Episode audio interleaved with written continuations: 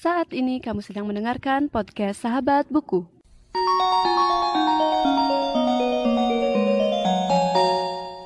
Halo semuanya dan selamat datang kembali di podcast Sahabat Buku. Bagi kamu yang baru pertama kali mendengarkan podcast ini, podcast Sahabat Buku adalah sebuah podcast yang membahas review buku dan pengalamanku saat membaca buku.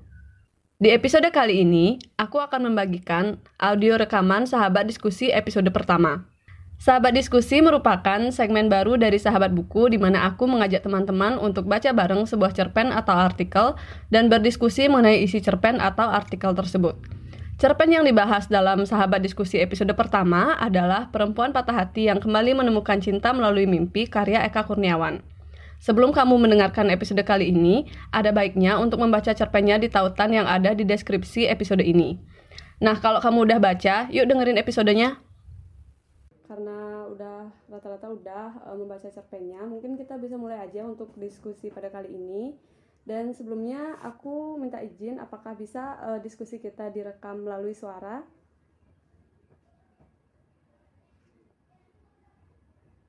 Hmm, ya bisa. Bisa. Bisa, bisa. Oke. Okay. Boleh nggak boleh? Ya, uh, baik. Jadi kita masuk um, langsung masuk ke segmen kedua yaitu diskusi mengenai uh, cerpen dari Eka Kurniawan dengan judul Perempuan Patah Hati yang Kembali Menemukan Cinta Melalui Mimpi. Jadi aku uh, kasih gambaran sedikit. Tadi kita sudah uh, membaca cerpennya di mana diawali dengan tokoh bernama Maya yang nantinya dia akan pergi ke Pangandaran untuk menemukan cinta sejatinya begitu. Dan mungkin aku mulai aja dari pendapat pribadi teman-teman mengenai cerpen ini. Mungkin ada yang mau mengutarakan pendapat uh, tentang cerpen ini terlebih dahulu.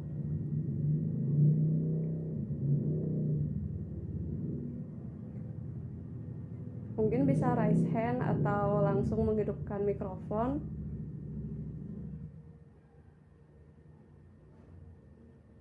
Oke, jadi mungkin bisa dimulai dari aku dulu ya uh, jadi uh, aku uh, menurut aku cerpen ini berawal dari sebuah ide yang sederhana gitu tentang cinta yang mana hubungan tentang cinta itu sesuatu yang sangat dekat gitu dengan kehidupan kita sehari-hari gitu. Apalagi yang sudah punya pacar sudah punya suami gitu. Rasanya hubungan uh, perbincangan tentang cinta itu rasanya dekat gitu dengan kehidupan kita. Uh, sebentar Oke, uh, dan juga di sini uh, aku tuh sangat suka dengan uh, akhir dari cerpen ini karena diberikan menurutku semacam kejutan gitu. Ternyata uh, tokoh Maya itu mencari laki-laki yang juga tanda kutip mengalami nasib yang sama gitu dengan apa yang dia hadapi.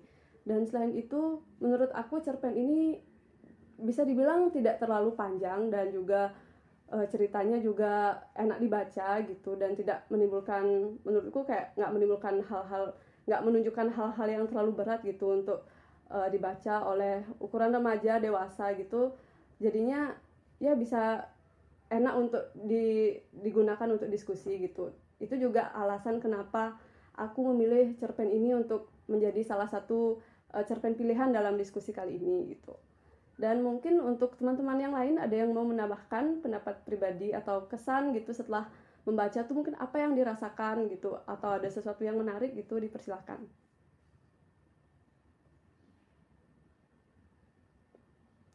Mungkin dari uh, Latif ya. Halo kak. Halo. Iya. Cuma macam apa? Cuma mau sampaikan aja bahwa sebenarnya kalau uh, cerpen ini kan uh, baru pertama kali baca cerpennya Eka Kurniawan kan ya.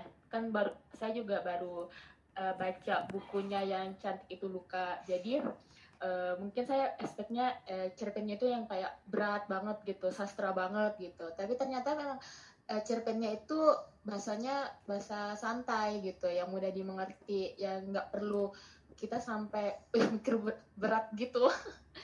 Gitu uh, sebenarnya juga cerpennya apa ya uh, santai sih uh, anunya bisa dan juga uh, apa ya masuk ke hati aja sih soalnya eh, pas sam, pas selesai dibaca eh, kayak oh iya ya maksudnya eh, em, takdir itu memang sudah ada yang atur Hmm. dan eh,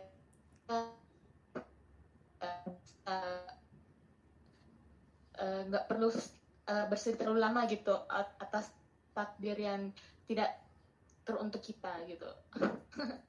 Makasih kak. Oke, terima kasih Latif. Eh, untuk yang lain mungkin ada yang mau menyampaikan kesan pesannya untuk cerpen ini.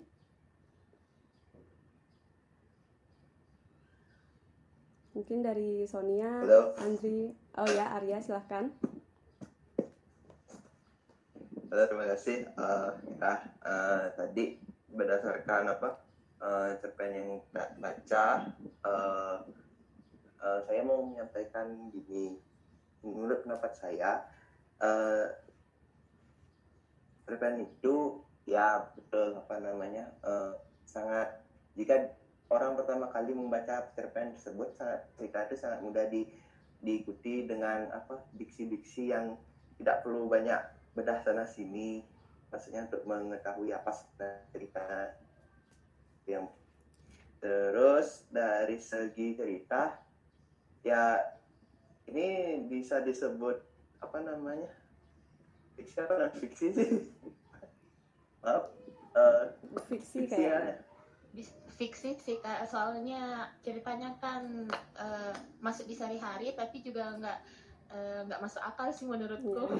ya itu dah. ketemu ketemu apa ketemu takdirnya lewat mimpi gitu. ya apalagi di bagian dia terjun ke tebing itu kan kalau misalnya kita yang terjun ke tebing kita bukan mencari jodoh kita mencari Tuhan. Ke tebing. Eh, terus em, eh, terus apa lagi ya? Em, oh ya terus dari gitu eh, dari segi cerita ya sangat mencerminkan lah gitu bahwa ketika patah hati itu kita linglung kita sedih ketika tinggal apalagi tinggal sama apa namanya teman baik kan ya semua itu eh, benar adanya akan menimbulkan eh, apa namanya eh, sebuah stres yang berlebihan lah itu yang saya saya lihat tadi Em, terus tentang mencari mimpi. Saya suka eh, apa ya eh, dari ide awal itu adalah mengejar mimpi kan. Eh, tentang dia bermimpi dia akan menemukan jodohnya di sana.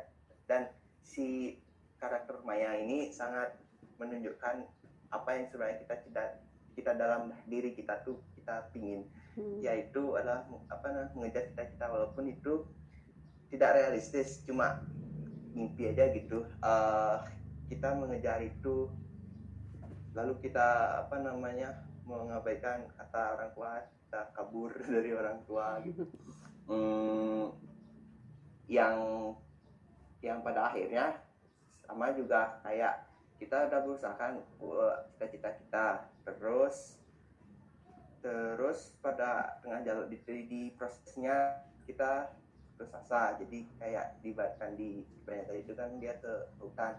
Ya kayak saya mendapat ada ada terdapat apa namanya nilai eh, nilai pembelajarannya juga ada di sana menurut saya. Karena pada akhirnya ketika mereka eh, si Maya itu nggak dapat jodohnya di mana dia perlu eh, lari hutan karena udah putus asa sebenarnya di hutan itu sebenarnya bisa saja dikembangkan lagi kayak em, semacam dia itu akhirnya apa namanya melepaskan itunya. Apa, takdir itu sudah eh, ternyata jodoh itu ternyata eh, yang sudah ada yang pegang.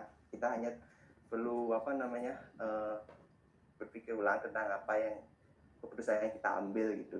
Dan keputusan yang diambil tadi menurut Maya, Maya menurut saya itu eh, kurang apa namanya kurang realis nggak Hmm. nggak nggak logis gitu tapi pada akhirnya untung di akhir cerita kita dikasih seperti uh, happy ending jadi kayak oh ya lega dah untung dia akhirnya ketemu walaupun uh, apa pencapaiannya nggak sampai 100% gitu ya jadi itu saya yang bisa saya dapat dari ceritanya Oke, terima kasih Arya. Pendapatnya menarik sekali, sama juga dengan Latif, menarik sekali. Dan mungkin dari yang lain, dari Sonia, Dian, atau Andri bisa memberikan pendapatnya mengenai cerpen ini. Uh, menambahin aja mungkin kayak uh, kalau menurut saya sih emang ya kata yang lain juga ya emang gak logis gitu kan alurnya tuh kayak ngapain sih nyari mimpi cuma gara-gara mimpi langsung pergi ke luar kota gitu kan. Aneh banget. Terus uh, emang ada pesan moralnya juga kan hmm, di cerpen itu meskipun pendek gitu terus uh, kalau aku baca kumpulan cerpennya Eka Kurniawan yang lain kayak coret-coret di dinding toilet misalkan. Itu kan emang uh, Eka Kurniawan tuh hobi ngangkat ke setema keseharian juga gitu. Jadi kalau emang cerpen kebanyakan uh, apa ya bahasanya tuh yang emang gampang dimengerti gitu. Udah itu aja sih. Oke, pendapat yang menarik juga dari Sonia. Uh, aku juga waktu baca cerpen-cerpennya Eka tuh merasa emang dia suka mengangkat hal yang sehari-hari gitu. Nggak seberat novelnya mungkin aku pikir, tapi mungkin itu juga ada pelajarannya gitu kan. Beda beda di novel, beda di cerpen begitu. Dan mungkin untuk yang lain uh, ada yang mau menambahkan pendapat dari teman-teman uh, sekalian? Halo Ira, aku mungkin mau nambahin sedikit pendapatku tentang cerpen ini. Oke, okay, silahkan kak. Jadi setelah aku baca cerpen dari Eka ini, aku mikirnya sih ini masalah terkait dengan mental health gitu ya. Hmm. Kayak tokohnya ini menderita kayak depresi gitu karena dia ditinggal nikah dan menurutku juga dari cerita-ceritanya Eka memang agak absurd hmm. jadi kita yang bacanya tuh kadang kayak ketawa sendiri kadang pikirnya juga ini kayak memang hayalan fantasi kadang tapi berlandaskan pada cerita sehari-hari yang kita temukan dalam diri kita sendiri. Jadi bacanya juga enak kita cerita dari Eka Kurniawan. Dan aku pikir juga tokoh Maya ini mungkin nggak menemukan orang yang suportif ke dia sehingga dia nggak mau menceritakan mungkin kuna-kuna tersebut dia sebagai keluarganya. Akhirnya memilih untuk pergi dan kemudian dia mencari apa petunjuk yang diberikan lewat mimpi. Kemudian dia sempat berulang kali untuk bunuh diri. Akhirnya ketemu dengan Sayuri yang akhirnya menyelamatkan dia. Dan di sana akhirnya dia cerita. Karena dia udah nggak punya apa-apa lagi. Nggak ada yang ketinggal. Dia cuma bisa cerita ke Sayuri bahwa dia dapat kayak puisi itulah lewat mimpi akan menemukan jodohnya dan akhirnya endingnya juga walaupun mungkin nggak langsung happy ending ya hmm. tapi setidaknya kita bisa lihat tokohnya ada sebuah kesempatan baru lah bagi dia untuk melanjutkan kehidupannya dengan sosok Rana yang belum ditemuinya tapi udah ada apa udah ada petunjuk dari Sayuri kalau cucunya dia ternyata juga punya mimpi yang sama-sama tolol juga ya mungkin aja nanti bakalan ketemu atau ada cerita di cerpen lainnya itu sih dari aku terima kasih Oke, terima kasih Kak Andri. Dan mungkin dari Dian Paramita, ada yang mau ditambahkan mungkin dari pendapat teman-teman yang lain? Uh, Oke, sebelumnya salam kenal teman-teman semua. Perkenalkan aku Dian. Jadi sebelumnya mungkin aku mau sharing dikit ya Kak, uh, cerita-cerita dikit. Uh, jadi aku ini bukan uh, orang yang baca-baca karya Eka Kurniawan itu yang pertama. Hmm terus aku tahu Eka Kurniawan itu dari teman nah teman ini sering nyeritain tentang beliau gitu kan hmm. tapi aku yayain aja padahal aku sebenarnya nggak ngerti gitu udah direkomendasiin buku-bukunya sama novelnya gitu kan tapi uh, apa menurutku aku belum siap buat baca uh, karyanya gitu karena takut berat dan nggak nyampe hmm. terus aku punya kebiasaan ya aku suka baca buku tapi buku novel gitu kak yang genrenya tenis remaja pokoknya hmm. yang udah jadi web series di w, di WTV tuh udah ya yang kayak kayak gitu ya bacaanku novelku hmm. gitu jadi ada rasa pengen tahu kayak gimana sih tanggapan atau uh, ciri khas dari Eka Kurniawan dalam menulis. Jadi uh, aku ikut ini tuh karena aku pengen dengerin pendapat gitu kak. Hmm. jadi aku sendiri belum tahu apa yang harus dibilang karena dari yang aku baca cerpennya itu aku kira itu bahasanya bakalan berat karena aku takut nggak nyampe kan kalau bahasa-bahasa berat karena kebiasaan baca-baca novel remaja rom romantis yang kayak kayak gitu jadi setelah baca masih bisa aku pahamin dari alurnya oh ternyata ke sini jalannya nih. Menurutku sih uh, aman sih kak. Maksudnya uh, ada rasa ingin baca karyanya yang lain kayak gitu. Jadi uh, menarik banget sih terutama kegiatan kayak gini. Jadi tahu isi kepala teman-teman yang baca atau emang yang udah baca karya-karya beliau kayak kayak gitu aja sih kak. Maaf ya sebelumnya agak receh. Iya nggak apa-apa selalu aja. Ini santai banget sih acaranya. Aku juga baru apa namanya kayak baru nyoba gitu buat acara diskusi. Dan oke okay, terima kasih teman-teman buat pendapatnya. Uh, dan aku mungkin mau cerita sedikit gitu ya. Seperti yang uh, Dian bilang aku juga pengen tahu gitu teman-teman tuh pas baca cerpen tuh kayak gimana pendapatnya gitu. Mungkin ada yang sama ada yang beda gitu. Dan itulah kenapa aku ngebuat diskusi kali ini karena pengen uh, meluangkan waktu sih pertama ya meluangkan waktu untuk sama-sama baca. Dan mungkin kalau uh, habis baca tuh kadang kita kan lupa gitu dengan adanya diskusi itu menurutku bisa ngingetin gitu ya uh, apa namanya kayak apa sih yang uh, abis kita baca tuh gitu. Dan mungkin kita lanjut aja. Kan tadi teman-teman juga nganggap cerpen ini santai gitu ya aku juga dan uh, apa namanya bahasanya nggak terlalu ruwet gitu mungkin ada nggak sih adegan dalam cerpen itu yang berkesan gitu yang mungkin paling menarik di antara sekian bagian cerpen gitu menurut teman-teman ada nggak kira-kira ada yang mau mulai mungkin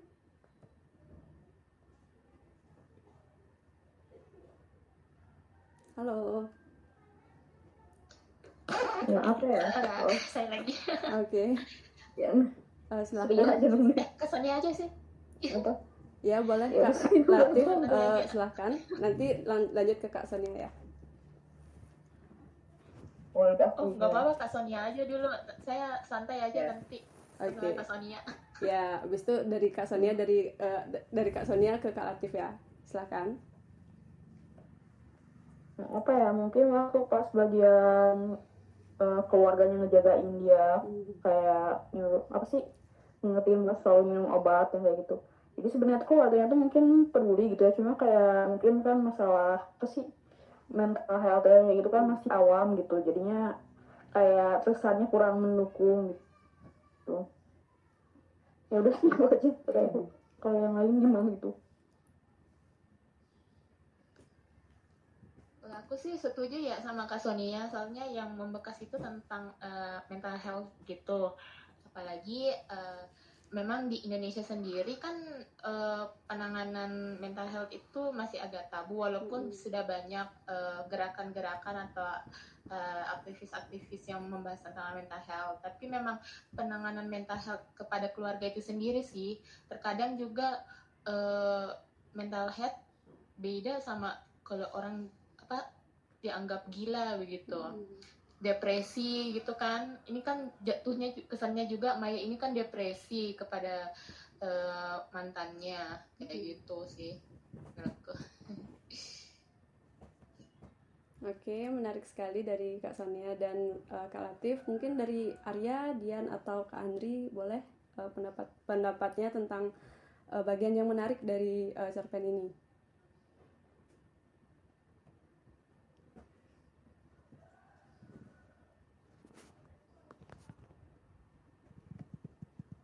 Uh, mungkin dari aku dulu. Ya. Oh ya, Kak Andi silakan.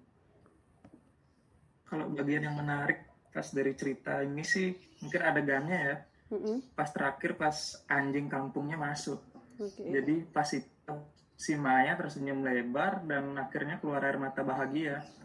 Itu sih yang menurutku mungkin sederhana tapi yang memastikan sekali lagi kalau memang cerita apa ada seseorang yang memiliki mimpi yang sama ditemani seekor anjingnya mungkin itu hal yang kecil ya tapi bagiku menurutku memastikan kembali. Dan di akhir ceritanya juga ada catatan kalau Eka Kurniawan itu mungkin berutang cerita pada penulis lainnya hmm. menurutku itu juga bagus sih ngingetin kayak penghormatan pada sama penulis. Jadi kalau mungkin ada inspirasi atau apa kita bisa kasih semacam expose lah. Mm-hmm. karena kita udah dapat cerita dan inspirasi dari penulis lainnya. Itu bagus menurutku saling respect sama lain. Itu aja sih ya thank you. Oke terima kasih kak Andri. Mungkin dari Arya atau Dian uh, ada pendapat tambahan? Oke Dian. Um, halo. Ya. Uh, kalau dari aku sih kak yang bagian uh, Maya itu nekatin uh, buat uh, buat apa nyari cowok dalam mimpinya itu kayak dia tuh bener kayak meyakinkan diri untuk kalau cowok dalam mimpinya itu beneran ada hmm. kayak kayak halu tapi ternyata kayak kenyataan kayak gitu sih hmm. menurutnya Dian yang menarik kak. Oke, terima kasih. Pendapatnya beragam banget ya. Mungkin dari Arya ada uh, tambahan? Ya, uh, menurut saya tambahan dari saya tuh di bagian kejadian ketika uh, si Mayanya itu larikan diri ke tengah hutan itu penggambaran yang sangat mencerminkan ketika orang itu sedang dalam banyak tanda tanya terus gimana kah jawabannya aku udah nyari sekuat tenaga hmm. kok nggak ada ada gitu itu sangat apa saya saya sangat relate lah saya sama karakter tersebut ketika dia begitu apa ketika dia beneran ke hutannya itu terus kalau bisa saya uh, kaitkan hal tersebut tuh sama bagian ketika dia uh, apa namanya uh, dia tuh apa nama mengacukan lah ibaratnya uh, hmm. dia pergi sendiri tanpa bilang ke hmm. keluarganya bahwa dia mau pengandaran karena dia punya cita-cita untuk nyari jodohnya di sana yang menurut saya sebenarnya dia bisa saja bilang iya karena dilihat dari uh, perlakuan terhadap orang tuanya yang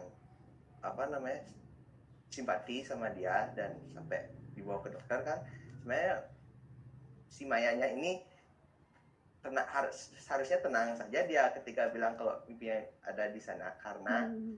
karena gini apa namanya um, Maya tuh keluarganya emang optimis uh, mau membantu si Maya tapi Maya itu merasa ada uh, beberapa hal yang lebih baik tidak dibicarakan ke orang tua hmm. gitu itu ada menurut saya tuh emang ada kejadian nyata yang kayak ih masa ya uh, apa namanya cita-citaku nih kayak gini masa aku ngomongin ke orang tua pasti dia bakal bilang hmm. realistis kayak gitu. Uh, kalau misalnya kejadian nyata menurut saya bagian apanya hmm, ya di bagian itu. Kalau misalnya benar oh ya lagi satu nih. Oh, jadi cocok ya maaf ya. Um, nah di bagian ketika dia benar ada dalam kegelapan kan pada akhirnya dia repot sendiri karena hmm. tidak mem, me, me, apa, mengajak orang atau siapa pun yang sudah beneran secara aksi me, ingin membantu dia gitu hmm. malah dia jadi malah sampai loncat tebing itu kan nggak nggak benar ya gitu uh, ya itu dah apa namanya ya saya rasa dilihat dari karakternya dan ceritanya ya kalau sudah dibilang itu fiksi. Jadi menurut saya jika uh, bisa ditulis ulang ceritanya ya seperti itulah uh, uh, gitunya apa pendapat saya. Jadi si mayanya itu setidaknya ya jika dia berterus terang pasti orang tuanya akan ngerti dan akan memberikan apa penguatannya lebih daripada obat-obat apa pun yang si dokter berikan itu gitu untuk menjaga kesehatan mental healthnya. Nah, terima kasih. Oke, terima kasih Arya. Uh, pendapat yang menarik-menarik sekali dan kalau da dari aku sendiri mungkin bagian paling menarik tuh bagian yang neneknya tiba-tiba muncul kan. Uh, di sana tuh aku mikir, ya apa sih apa sih yang bakal terjadi setelah kedatangan si nenek itu gitu terus ya emang bener itu bakal kayak ada twistnya lah sedikit gitu kan e, ternyata si nenek ini punya cucu yang sama gitu dan anggapannya mungkin memang mereka ditakdirkan untuk bersama gitu anggapannya kali ya e, seperti e, tadi tuh nyebut-nyebut e, tentang takdir gitu. Ternyata ada loh hal mungkin kalau di dunia nyata tuh nggak masuk akal gitu kan. Ada orang ke Pangandaran gitu buat mencari cinta gitu nggak apa ya itu agak nggak realistis tapi pas kita baca sebenarnya seru gitu loh cer, uh, cerpen ini gitu dan tadi teman-teman juga udah nyebutin hal-hal menarik dari cerpen ini. Mungkin ada nggak sih hal-hal yang kurang menarik gitu dan agak kurang serak gitu waktu baca? Kok ini gini ya gitu mungkin. Ada yang mau uh, memulai diskusi tentang itu nggak kira-kira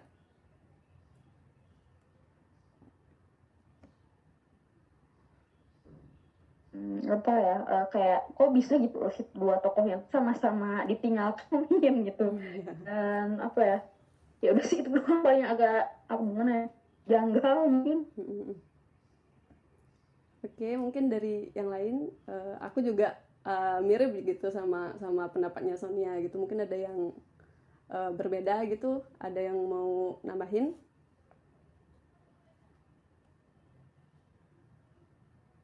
Apa sama gitu mungkin ya teman-teman uh, juga mikir kalau kok bisa sih dua tokoh ini punya cerita yang sama gitu dan itu agak mungkin klise atau gimana gitu. Ada pendapatnya nggak tentang hal itu? uh, dari Kak Latif, Arya, Dian atau Kak Andri mungkin? Kayaknya sama ya uh, tentang tentang hal uh, apa namanya? Tentang uh, yang tokoh dua tokoh yang ceritanya sama itu.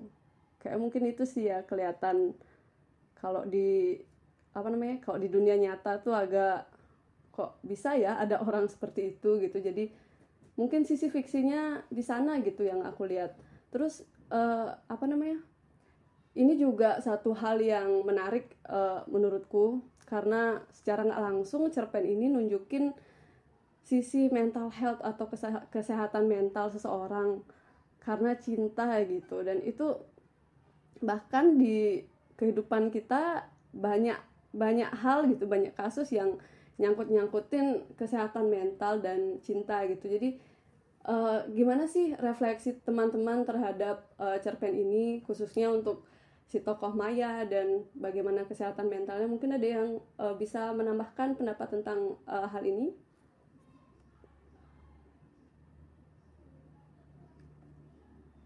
dari Kak Latif mungkin atau Kak Sonia? Halo? Oh ya Arya silahkan. Uh, jadi gini uh, jadi menurut saya um, apa ya? Ah gini gini. Uh, jadi kan tadi tuh Maya jadi kayak sendirian gitu kan melalui melalui segalanya. Um, saya jadi kurang jerak sama endingnya karena ini apa namanya dia tuh kalau kalau misal uh, konsentrasi cerita ini ke mental health um, mungkin misalnya uh, si Maya itu uh, namanya eh, di situ dia kayak akan menemukan seseorang yang uh, ingin apa namanya membantu dia secara tidak untuk mendampingi saja kayak itu dia biar dia ketika dia benar-benar berusaha itu nggak sampai ke hutan itu tuh uh, udah bendera merah tuh menurut saya dari segi mental health gitu. Um, ya itu fokusnya kalau mental health. Kalau itu yang bagian yang nggak saya serat tapi tapi jika kita lihat dari kenapa si cewek cewek ngejar ini cowok yang ngejar itu itu tuh kayak apa ya kalau kalau lagu tuh semakin ku kejar semakin tahu jauh. Uh, jadi kalau dari segi seninya saya suka gitu. Mungkin terinspirasi dari lagu lagu tersebut. Dan apa namanya uh, kembali lagi ke pesannya tuh adalah uh, dalam mencari jodoh tuh kita emang eh, nggak uh, bisa diam diri ya. Kalau kita nggak bisa nggak kalau kita berdiam diri saja siapa orang tahu kita tuh ada gitu. Um, tapi kalau kita diam diri juga kan juga ya gitu dah. Sama uh, kebalikannya. Si cowoknya juga melakukan hal yang sama makanya dia juga nyari jodohnya tuh sesuai dengan mimpinya. Nah kita kan nggak tahu uh, apa namanya hmm, pikiran orang gitu. Jadi pada akhirnya ketika si cewek ini tahu dia tuh sudah hampir dah kena tanda X-nya di sana tapi faktornya dia datang ke tempat X-nya tuh nggak ada itu itu udah puas karena uh, itu dah. Mungkin kelebihannya kekurangannya itu bisa juga jadi kelebihan. Kalau Hmm. kekurangan yang saya bilang tadi kan dia tidak ada orang yang untuk membantunya. Tapi kalau malah jadi kekuatan karena dia tuh secara sendiri aja gitu bisa melalui segalanya dan Hmm. akhirnya mendapat jalan jalan dan jawaban walaupun cuma ya tanda X saja itu sih yang bisa saya tambahkan. Kasih Oke, eh, menarik sekali ya pendapat dari Arya. Aku juga eh, apa namanya cukup apa melihatlah bagian yang eh, udah Arya sebutin tadi. Dan mungkin dari teman-teman ada eh, pendapat gitu mengenai mungkin hal yang kurang menarik atau eh, dari sisi mental health-nya mungkin ada yang pengen eh, disebutin gitu. Menurutku gini loh gitu misalnya. Mungkin dari yang lain dari Kak Latif, Kak Sonia, Dian, dan Kak Andri mungkin bisa dihidupin aja eh, mikrofonnya.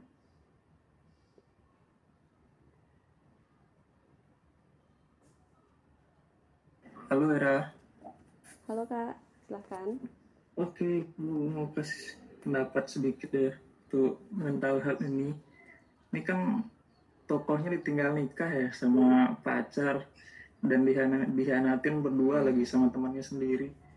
Agak sulit untuk waras sih sebenarnya. Iya benar-benar. Kalau kita berharap eh, si tokoh ini bisa berpikir secara logis, normal atau gimana itu itu agak susah karena aku juga pernah punya temen yang mungkin mengalami permasalahan yang sama itu harus benar-benar dijagain karena kalau enggak bisa nekat mau bundir Hmm. dan itu susah banget buat ngejaganya jadi orang-orang di sekitarnya itu memang nggak boleh juga sekedar ngasih basa-basi oke ini kamu masalah cuma tentang cinta aku punya masalah lain yang lebih berat loh gitu. Nggak boleh kayak apa ngasih ngebandingin permasalahan kamu sama permasalahan orang lain karena belum tentu perasaannya itu sama sama yang dirasain ke orang lain atau mengecilkan permasalahan mereka. Karena itu membuat mereka akhirnya nanti jadi semakin depresi semakin nggak percaya sama orang. Akhirnya bisa nekat. Karena itu juga yang aku temuin sama temanku ini. Jadi emang harus diawasin ya disupport sebisa kita karena kita juga punya kehidupan sendiri kan. Kita nggak selalu bisa jagain. Kalau kita ada keluarganya ya kita mungkin bisa kasih tahu keluarganya. Tapi karena kebanyakan kadang yang aku temuin itu masalahnya justru sama keluarga sih. Keluarganya yang kurang sportif untuk mendengarkan cerita-ceritanya atau mungkin udah capek ya udah dikasih obat dan lain sebagainya nggak sembuh-sembuh akhirnya capek juga keluarganya. Tapi itu sih yang bikin ceritanya jadi menarik. Kalau akhirnya si tokoh akhirnya waras kan ceritanya nggak bisa sampai plot twistnya mimpinya dan Hmm. udah mimpinya yang lalu ceritanya selesai. Hmm. udah gitu aja. Jadi ya kita nikmatin itu sebagai bumbu dari cerita ya kita ambil pesan moralnya aja untuk kita refleksikan kehidupan kita sehari-hari itu aja sih Ra. Oke Kak, terima kasih atas pendapatnya. Itu menarik banget juga karena gimana ya masalah kesehatan mental tuh benar-benar lagi gimana ya banyak banyak orang gitu yang menghadapi masalah-masalah seperti itu dan kasus di- ditinggal nikah sama eh, apa pacar dan dia bahkan meninggalkan bersama sahabat tuh kan sangat sangat berat gitu kalau di kalau dipikir-pikir. Mungkin dari yang lain ada mau ngasih tambahan gitu tentang refleksi teman-teman mengenai eh, isu kesehatan mental yang dapat di apa ya diambil gitu dari cerpen ini. Mungkin ada tambahan? Oke mungkin sepertinya eh, nggak ada ya. Dan selain selain isu kesehatan mental menurutku hal menarik yang juga mungkin bisa dibahas gitu ya di diskusi kali ini itu adalah tentang mimpi. Karena dari judulnya aja yang menurutku judulnya cukup panjang perempuan patah hati yang kembali menemukan cinta melalui mimpi.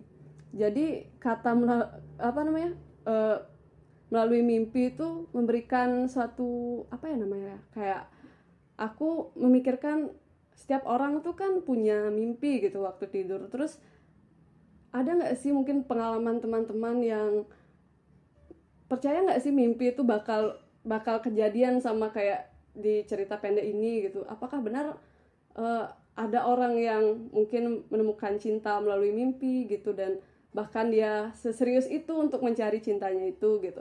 Mungkin dari teman-teman ada pengalaman mungkin tentang mimpi yang uh, ternyata kejadian gitu mimpinya gitu. Mungkin dari teman-teman ada yang mau bercerita mungkin dulu dari Dian mungkin ada? Atau uh, Kak Sonia Kak Latif?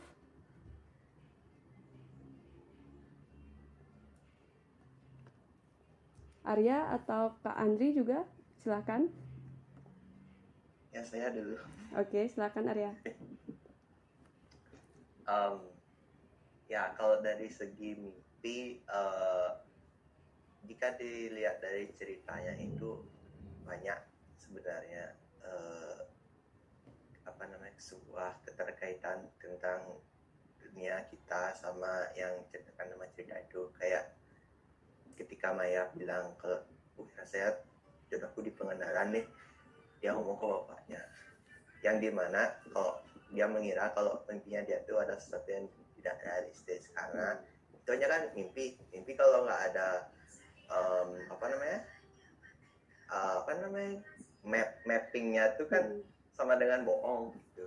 Uh, dia juga nggak bisa menjelaskan mappingnya itu kayak apa gimana cara dia mencari jodoh ya tuh gitu. Nggak kurang yakin gitu. Tapi dia kan hanya berbekal uh, keinginan aja gitu. Jadi hmm, banyak orang punya cita-cita yang kayak dua gitu. Yang realistis sama tidak realistis yang kalau menurut saya realistis itu adalah sesuatu yang bisa menghasilkan sekarang dan sesuai dengan apa kemampuan kita punya itu sedangkan yang tidak realistis ya seperti namanya kita tuh punya mimpi terdalam. Kita semua sebagai manusia tuh punya mimpi terdalam. Kayak aduh aku pengen menghibur semua orang tapi saya aku nggak bisa nggak punya apa-apa untuk menghiburnya. Eh menghibur. Memiliki kemampuan untuk menghibur gitu. Uh, dan apa namanya kita semua juga kepingin kayak hmm, gimana ya aku membuat peta untuk diriku sendiri dari cara yang realistis untuk meraih yang tidak realistis tersebut gitu uh, itu yang bisa saya sampaikan dalam cerita eh, yang bisa saya kaitkan dari cerita dan uh, apa namanya kehidupan kehidupan nyata yang itu yang ada di pikiran saya ya itu saja sih. Oke, terima kasih Arya. Mungkin dari yang lain ada yang uh, punya refleksi gitu tentang mimpi yang terjadi sama si tokoh Maya gitu yang berhari-hari gitu dia mimpi cowok yang sama yang lari bersama anjing di pantai gitu. Eh, teman-teman gimana sih pendapatnya tentang uh, bagian itu terutama gitu? Mungkin dari yang lain ada yang mau menambahkan?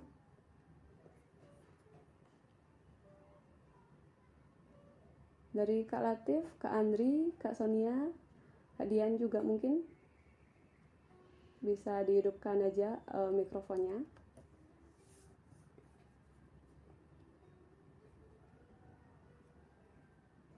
uh, mungkin eh, nggak uh, ada ya pendapat uh, apa namanya pribadi tentang hal itu kalau dari aku sih uh, gimana ya membicarakan tentang mimpi adalah sesuatu yang uh, aku pun merasa kalau uh, pengalamanku pribadi mimpi itu kadang uh, apa merefleksikan sesuatu kadang juga sekedar bunga tidur gitu.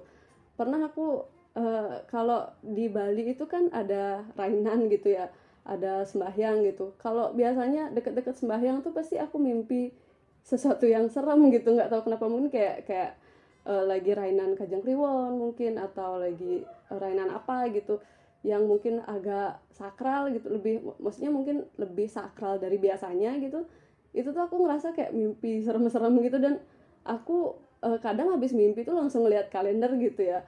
Uh, ih ini rainan apa ya uh, sampai aku mimpi kayak gitu.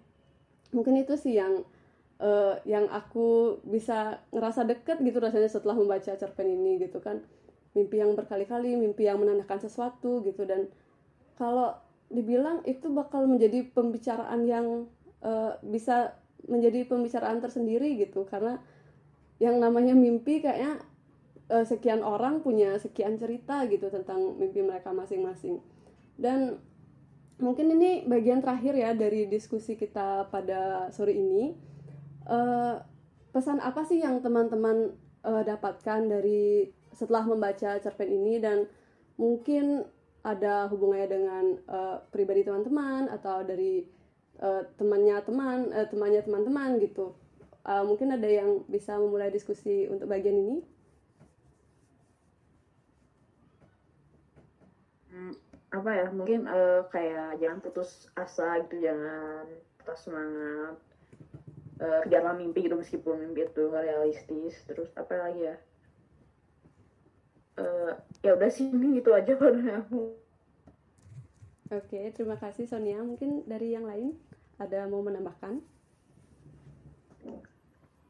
um, kalau dari Dian kak uh, mungkin lebih ke kayak belajar move on gitu kali ya maksudnya ya move on jangan sampai nyakitin diri sendiri kayak gitu sih ya semacam itu Oke, terima kasih. Untuk yang lain, Kak Andri, Kak Latif, dan Arya mungkin mau menambahkan sesuatu.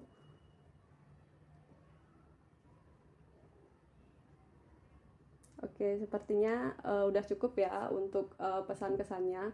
Dan aku sendiri emang merasakan bahwa uh, cerpen ini bisa memberikan kita gambaran gitu tentang kesehatan mental, tentang hal-hal kayak mimpi gitu. Bahkan mimpi itu bisa apa namanya? direfleksikan menjadi tujuan kita dalam hidup gitu ingin mencari cinta gitu misalnya itu mungkin terdengar klise tapi ya setiap orang punya istilahnya gimana ya kayak tujuan cintanya masing-masing tujuan hidup masing-masing dan ya kita juga jangan gimana ya kayak jangan menyerah lah untuk uh, menggapai apa yang kita pengenin itu. Dan mungkin untuk diskusi cerpen pada uh, sore ini bisa ditutup uh, sekarang. Dan sebelum itu mungkin aku ingin bertanya untuk teman-teman sekiranya uh, menurut kalian gimana sih diskusi pertama kita di sahabat diskusi? Uh, mungkin ada kesan-pesan yang ingin disampaikan gitu dan menjadi refleksi aku untuk uh, diskusi selanjutnya mungkin bisa ditambahkan uh, dipersilahkan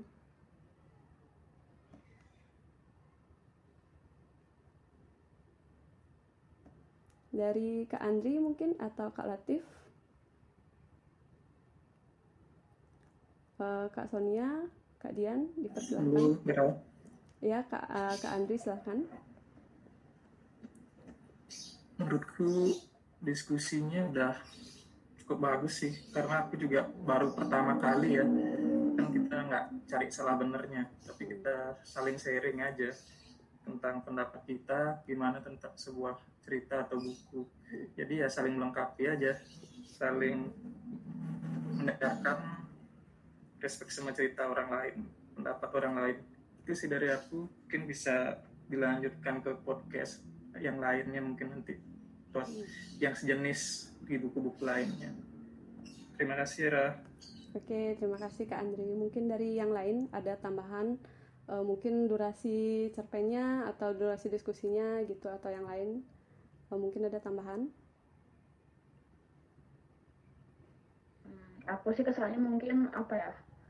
uh, seru aja gitu kalau diskusi kayak gini jadi apa sih dari satu cerpen aja kan bisa jadi banyak pemahaman gitu kan gak cuma satu sisi tentang ini tentang aja gitu terus ya mungkin kalau soal durasi ya sebenarnya cukup sih. Kayak ini kan kayak satu jam ya kurang lebih.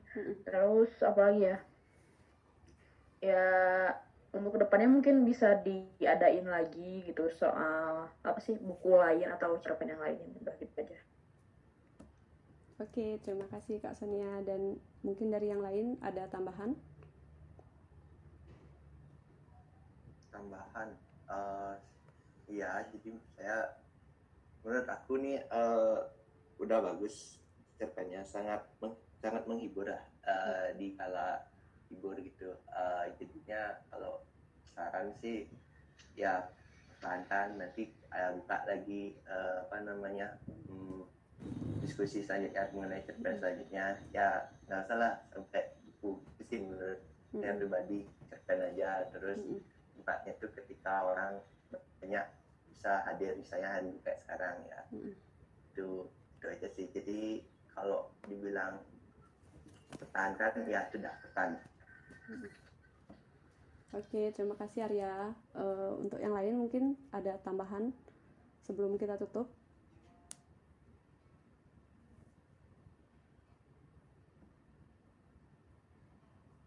Oke baik, uh, sepertinya uh, cukup untuk diskusi pada sore ini. Terima kasih.